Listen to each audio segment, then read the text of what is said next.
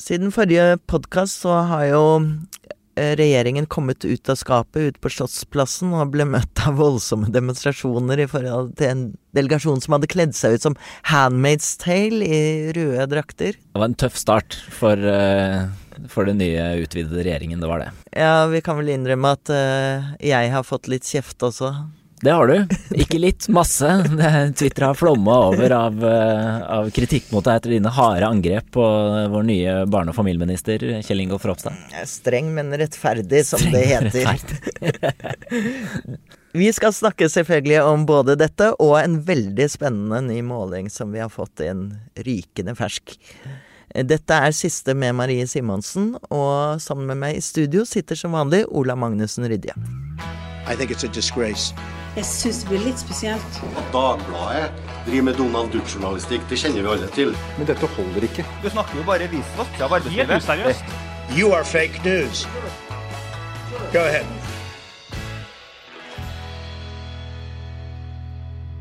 Vi har fått en ny regjering, eller utvidet regjering som er helt presis. Og det er nettopp eh, partiet som har utvidet regjeringen det er blitt mye bråk om, særlig den antagelig neste partilederen i KrF, Kjell Ingolf Ropstad. En 33 eh, år gammel mann som nå er blitt barne- og familieminister. Og det det er blitt eh, Bare for å gjenta det det er blitt bråk av, det er ikke bare det som den såkalte tvilling eh, abort, som eh, egentlig handler om fosterredaksjon av fe, eh, fe, flerlinger. Men det er også at KrF har fått gjennom vetorett i biotek. Eh, de kan bl.a. sette foten ned for eggdonasjon, eller det har de allerede gjort, eh, og si nei til tidlig ultralyd og NIPT osv. Ropstad har også fått flyttet Likestillingsdepartementet ut av Eh, Barne- og likestillingsdepartementet, og dermed brutt opp et eh, fagmiljø og brutt opp eh, bevilgningene. Han eh, ville heller ikke gå i homoparaden Pride, og det er selvfølgelig en menneskerett å la være å gå der, men han er altså den første, i tilfelle ministeren fra det departementet, som nekter å gå i den siden 2005, tror jeg det var. Men istedenfor at jeg skal sitte og lese opp alle kommentarene jeg har skrevet uh, om dette i det siste, så har vi fått uh, besøk av uh, en av våre favoritter i vår korte tid som uh, podkast. Åshild Mathisen. hei. Hei. Det er andre gang du er her. Det er ja. jo helt veldig bra. Um, så du kan nærmest kalles en venn av podkasten. Men for å introdusere deg ordentlig, så er du da tidligere sjefredaktør i Vårt Land og ikke minst i denne sammenheng tidligere politisk rådgiver for både Jon Lilletun og Knut Arild Hareide. Ja. Så, så, vi kan vel kalle deg en slags ekspert på KrF, eller? Ja, altså her må vi kunne kalle meg det. Det er sikkert noen i KrF som vil bestride det, men eh, Men i hvert fall men, i Dagbladet. Eh, I Dagbladet er jeg en ekspert, ja. Men Kjell Ingolf Ropstad, kan du beskrive ham litt? Altså, hva slags type Det er jo mange som har brukt uh, M-ordet. Jeg har passet meg vel for å, å, bruke det, men altså, de kaller ham en mørkemann i en alder av 33 år. Er han, mm. er han det? Du, jeg har jo møtt Kjell Ingolf og prata med han, og vet du hva, Marie? Han er veldig hyggelig. Veldig hyggelig. Um, og jeg ser at det blir fremheva, men det eh, er jo ikke det som er saken. Eh, han er en veldig hyggelig fyr. Han er veldig lyttende. Eh, og mange har fremhevet at han er god til å forhandle. Eh, men eh, det begrepet mørkemann, eh, det har jo jeg et litt sånn ambivalent forhold til. det er en, ja, veldig stor og merkelig merkelapp. Men jeg mener at han har mange fellestrekk med Dagfinn Høybråten, eh, som også ble kalt for en mørkemann. De er to svært forskjellige ledere. Eh, jeg tror nok at Ropstad er en mye mer, eh, ja, mye mer samarbeidende og mer lyttende. Eh, han er en, en, fyr som folk får sansen eh, for å jobbe med. Men når det kommer til, eh, til eh, profil i media og, og politiske uttalelser, så er det jo forbausende likt. Jeg måtte gå inn og sjekke litt og søke litt, og Dagbladet skrev jo mye om Dagfinn Høybråten før han ble leder. Eh, og så kan jo kritiske stemmer si at kanskje Dagbladet bidrar til denne mørkemannsdynamikken, hvis man er tydelig i verdispørsmål. Eh, men jeg tror det handler litt om eh, at altså det er, Men, men altså, han har, har Ja. jo KrF og Ropstad står jo beinhardt på et syn på når det gjelder likestilling og abortspørsmål spesielt, selvfølgelig, og homofilt samliv Ja. osv., som bare en veldig liten del av befolkningen støtter. Ja. Og det er vel det man reagerer på. At Ja. Man sier ikke at, sier ikke at Ropstad ikke har lov til å mene disse tingene, for det Nei. er liksom åpent. Ja. Men at han får gjennomslag for et så marginalt syn. Altså, jeg tenker jo at det handler om eh, Kanskje det handler mye om Og det som skiller eh, Hareide fra de to, da, eh, det er at eh, Hareide forstår at synet er marginalt. At KrF har på en måte eh, eh, en brytning mellom konservative og liberale kristne, og at mye handler om å være en mer åpen og lyttende person som må skape legitimitet og forståelse for sitt verdisyn hvis partiet skal overleve og på en måte eh, bli eh, ja, vokse. Eh, det man ser med Ropstad er at han har en slags sånn kristen frimodighet. Altså For eksempel så ser jeg at han, han sier at det er helt naturlig for han at han er avholdsmann, for han er jo kristen. Eh, og i dag er det ikke sånn at man nødvendigvis er avholdsmenneske fordi man er kristen, men han kommer fra en tradisjon, tenker jeg, der det er litt sånn du skal ikke bry deg om å bli elska av verden eller elske verden. Eh, men, men tenker du av og til når jeg ser han svare på disse spørsmålene, så virker det nesten som han er litt sånn overrasket over at reaksjonene kommer? eh, At han eh, kanskje lever i en verden av en liten boble som, som, eh, hvor dette er helt vanlige synspunkter? Ja, det tenker jeg. Og så er han ikke heller så Hvis du tenker på Espen Ottosen f.eks., som er veldig, Ja. veldig verdikonservativ. Han er jo dyktig eh, til å redegjøre for sitt syn. Altså har på en måte Man kan være rivende uenig, men han står for sitt syn og er god til å eh, argumentere for det. Eh, Ropstad er ikke der, og det, det handler litt om at han har vært en dyktig politiker på Stortinget og kanskje holdt på med veldig mange andre saker. Altså det er jo sånn KrF tenker om det å være et sekulært parti. At vi er gode på samferdsel, gode i finanskomiteen osv. Og, og så ser han det at verdispørsmålene eh, får sånn ekstremt eksplosiv kraft. Og det er da han, han griper til det å si eh, i, eh, i NRK hos Fredrik Solvang at eh, nesten at han liksom sitter ikke der som menneske og politiker, men som statsråd. eh, så han på en måte er på full fart vekk fra det som eh, Og det er jo urimelig at man ikke konfronteres også med sitt eget partiprogram, selvfølgelig. Men Ja, da er det jo noen som påpeker eh, at eh, Knut Arild Hareide, som jo fremstilles som en, eh, en liberaler nærmest i denne sammenheng, han la frem et representantforslag etter, etter grunnlovsendring av paragraf eh, 93, hvor han foreslår å Den konkrete teksten er at menneskeverdet skal være ukrenkelig, og enhver har rett til, til legemlig integritet fra unnfangelse til naturlig død. Og det, hvis man leser det, så betyr det i praksis at, eh, at selvbestemt abort eller abort blir forbudt, bortsett fra hvor det truer mors liv. Så hva er det, da egentlig forskjellen på Hareide og? Ropstad? Og, og så hvis da eh, Hareide hadde blitt konfrontert med, med det uttalelsen fra deg, så ville han jo på en måte eh, trukket seg med en gang. Eh, og det tror jeg handler om på den ene sida at det er en slags sånn derre Hvordan trukket seg, altså? Nei, altså han ville jo ikke eh, Altså ehm, Eh, abortloven eh, vil han jo ikke på en måte Kvinnens rett til selvbestemmelse er ikke noe det er naturlig for Hareide å, å eh, eh, gå til krig mot.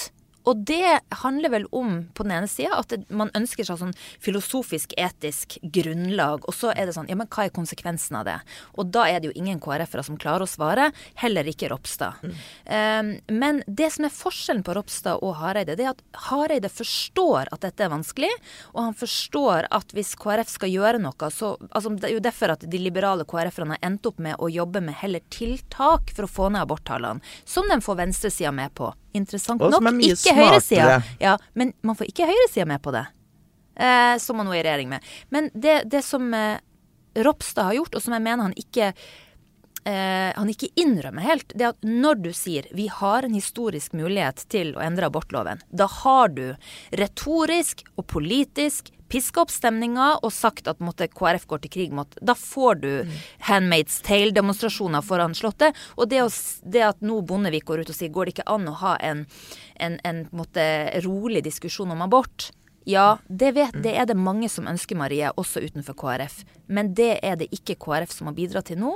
Den rolige diskusjonen om abort er, finnes, er det ikke KrF som Altså, Ropstad kan jo ikke diskutere og, det heller. Og det, og det, som er viktig å få frem, og det vet jo du også, Hasil, at, eh, at det er jo ikke sånn at alle i KrF og alle KrF-velgere er eh, mot dagens abortlov.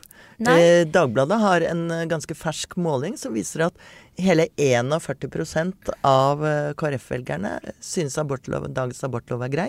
Og bare 52 eh, ønsker å endre den. Veldig Så partiet er faktisk splittet her òg. Ja, og, og det, det, er derfor Altså, jeg tror eh, alle KrF-ere og alle KrF-velgere vil ønske å få ned aborttallene. Men så er spørsmålet ja, hvordan skal det skje? Skal det skje ved å innskrenke abortloven, eller skal det skje ved tiltak som gjør det enklere å bære frem et barn hvis man ønsker det. Og det er klart at i et moderne samfunn så er det å innskrenke kvinnens rettigheter, det, mm. også, det slår også inn i KrF. Eh, men, men, det som er med Ropstad, er at han er ikke forberedt på den diskusjonen som eh, oppstår. Så han eh, sier nå at ja, men det måtte man utrede og måtte utrede. ikke sant? KrF har ikke noe klart svar, heller ikke i sitt partiprogram, mm. på hvordan dette eventuelt skulle innskrenkes eller foregå. Så da er det kanskje ikke så lurt å dra det opp som det store spillet. Men hva spillet. syns uh, du som tidligere har kalt meg for mulla Marie om, om uh, opphisselsen i debatten? Altså at man har en kritikk mot form vel så mye som innhold. Uh, mm. Jeg hadde jo en tweet hvor jeg kritiserte Ropstad, og den var for så vidt hard, hard nok. men hvor jeg stilte spørsmål ved hans egnethet som likestillingsminister. Og så gikk jeg ut i solen, for det var en pen søndag formiddag, og kom tilbake etter noen timer, og der var det full Twitter-storm. Og da viste det seg at Knut Arild Hareide, Kjell Magne Bondevik, Kristin Clemet, Nikolai Astrup, hele bøtteballetten fra regjeringsapparatet hadde kastet seg over meg og hevet pekefingeren og sa mm. fy, fy. Og det er faktisk en debatt som pågår fremdeles. Er det jeg møtte jo også Hareide til debatt i Dagsnytt 18 om dette her, og han innrømmet jo halvveis at de benyttet sjansen til å hoppe på meg fordi at jeg var et profilert uh, Twitter-navn. Ja. Eh, er det en strategi de har, at de tar formen og ikke innholdet?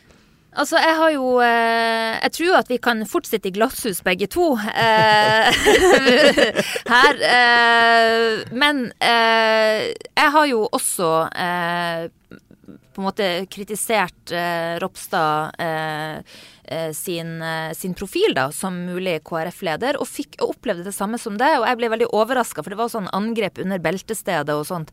Eh, og så lenge man snakker om politikk og politisk profil, så mener jeg på en måte at det skal være innafor. Og så mener jo jeg at eh, en del av den eh, motbøren du fikk på Twitter, var jo virkelig personangrep. Altså da, hvis du skal liksom vite hva er personangrep, så da går du til angrep på den private personen. Ehm, så eh, Men når det kommer til eh, Bondevik, og særlig Hareide, så har de jo et helt annet motiv. For Hareide er jo veldig opptatt av noe. Ja, hvorfor er han? Jeg tror folk er veldig overrasket over at Hareide og Ropstad, som kjempet en eh, litt ganske bitter kamp, ja. i hvert fall sett utenfra, mm. og hard kamp, Eh, at Hareide nå liksom forsvarer sin motstander, eh, ikke bare på en formell måte, men også litt sånn varmt og energisk og aktivt. Ja, altså Han gikk jo ut og sa at han var mer glad i Ropstad Ikke sant? eh, etter at han hadde tapt på landsmøtet enn før. Eh, og nå er han ute og forsvarer. Eh, jeg tror det er to grunner til det. Det ene er at for Hareide det er ekstremt viktig at han ikke blir sittende med skylda for å ha revet partiet i to. Så det ved å forsvare Ropstad, så på en måte prøver han å lime sammen bitene. Og så er det det andre må være en slags sånn eh, kristen kulturgreie der man overkompenserer for å være at man skal være snill med hverandre. Eh, men, men det får være måte på, fordi det jeg syns det, det, blir en overkompensering. Eh, det er jo helt åpenbart at det er forskjell på prosjektet og profilen til Ropstad og Hareide. Og ved at Hareide da går så mye liksom, eh, i krigen for Ropstad, så forvirrer han jo kanskje òg en del KrF-ere. Hareide ville ikke gå inn i historien som den som rev KrF i filler. Og det, det, er jo forståelig, fordi at de står jo på kanten av stupet nå, vil jeg si. Og nå skal de da velge Kjell Ingolf Ropstad, som har en mer konservativ profil, som leder. Er det, er det egentlig lurt? Altså, du nevnte at Dagbladet tidligere kritiserte Dagfinn Høybråten som mørkemann og sånn. Og mm. da, da, kom det jo fra kristent hold, så ble det liksom halleluja over det, fordi at de mente at eh, det å få kritikk fra Dagbladet var veldig positivt for en KrF-leder. Mm. Dette skapte KrF-høvding. Det er bare tull.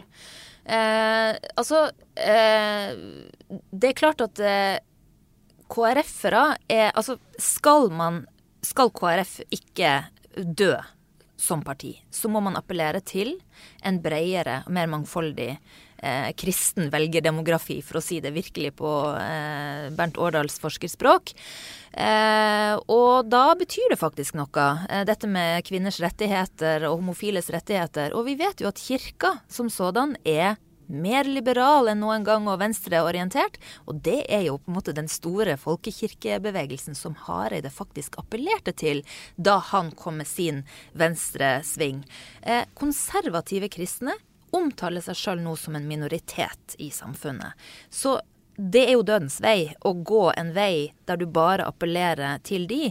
Og så er det sånn at heller ikke de synes jo at det er gøy med et ståsted der du blir definert som en, en mørkemann. Og da må du i hvert fall gjøre en god figur når du kritiserer, altså virkelig være glad i verdidebatten. Sånn som Ebba Busch Thor i, i, Sverige, som på en måte er eh, Men kan det kort eh, til slutt nevnte Ebba Busch Thor. Ja. Eh, jeg var i Sverige under valgkampen, og der møtte jeg Kjell Ingolf Ropstad faktisk på vei til eh, valgvak med Ebba Busch Thor. Han var veldig, og han var veldig begeistret for ja. henne. Mm. Eh, og kan du se for deg at uh, Ropstad tar det i en enda mer konservativ vei, uh, retning? Um, altså ikke uh, Sånn som stat, altså statsrådteamen til KrF nå er satt sammen, så er det jo igjen disse bitene man prøver å, å lime sammen.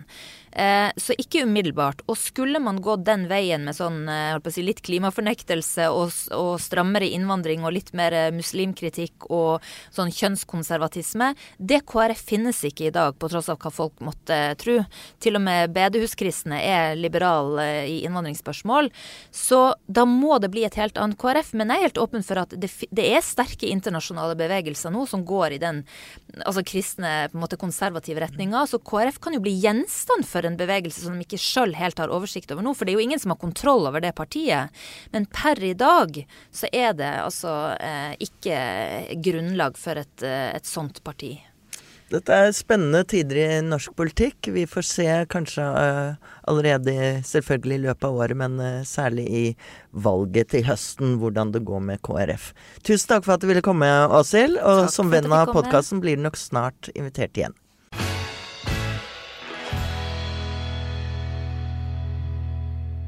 Da har vi fått en helt blodfersk eh, partimåling inn i studio. Den er så fersk at den uh, drypper blod og svette og tårer, i hvert fall for sentrumspartiene her. Uh, dette er ikke godt nytt uh, for den nye regjeringen, og særlig ikke for de to sentrumspartiene som er gått inn i den. jeg vil si at det er nærmest Ipsos som har laget denne målingen for Dagbladet. Det er altså den første i år, og er tatt opp etter at regjeringsforhandlingsresultatet var klart. De kaller det en katastrofemåling, intet mindre, og det har de sine ord i belegg. For her både Venstre og KrF ligger nå solid under sperregrensen. Venstre får en oppslutning på 2,2% som er den dårligste på over 14 år. Og KrF får en oppslutning på 2,7% som er den dårligste registrerte målingen hos Ipsos siden de startet i, eh, for 18 år siden. Så dette er, eh, dette er eh, svært dårlig. De ville fått én, én mandat hver, Venstre og KrF, på tinget. Og interessant, denne nye flertallsregjeringen eh, får altså 68 mandater til sammen med dette resultatet. Det er fullstendig det- skandale. Og det er færre enn Arbeiderpartiet og SV til sammen, som ville fått 71 med dette mandatet. Men hva kan man si om det?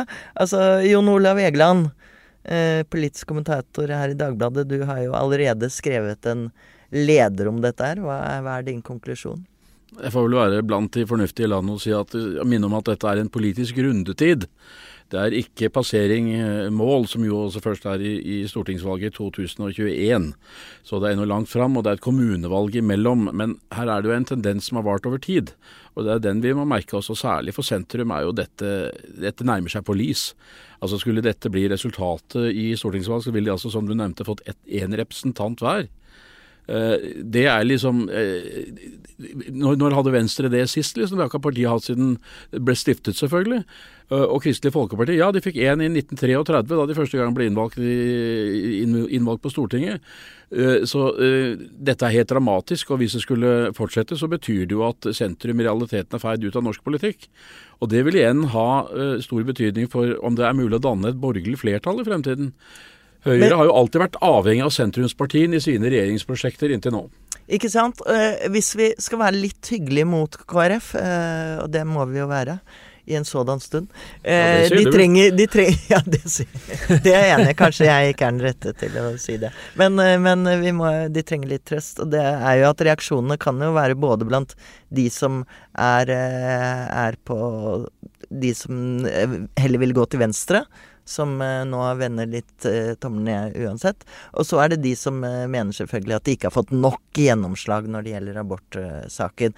Men i hovedtrekk så må man jo si, Ola, at dette er en svært eh, dårlig reaksjon på forhandlingsresultatet for sentrumspartiene. Ja. Både Venstre og KrF. Ja, absolutt. Eh, og jeg tenker at etter forrige valg så snakka man jo en del om at uh, Høyre-velgere måtte inn og stemme på Venstre for å få Venstre over sperregrensen og dermed også redde regjeringen. Men nå skal de få det. Det blir litt av en dugnad nå blant, eh, blant Høyres velgere hvis de både må redde KrF og redde Venstre uh, oppover sperregrensa. Så hvordan Erna Solberg skal få de to partiene til å skinne nok i denne konstellasjonen til at folk har lyst til å stemme på de, og samtidig holde Frp inne, det må bli veldig vanskelig.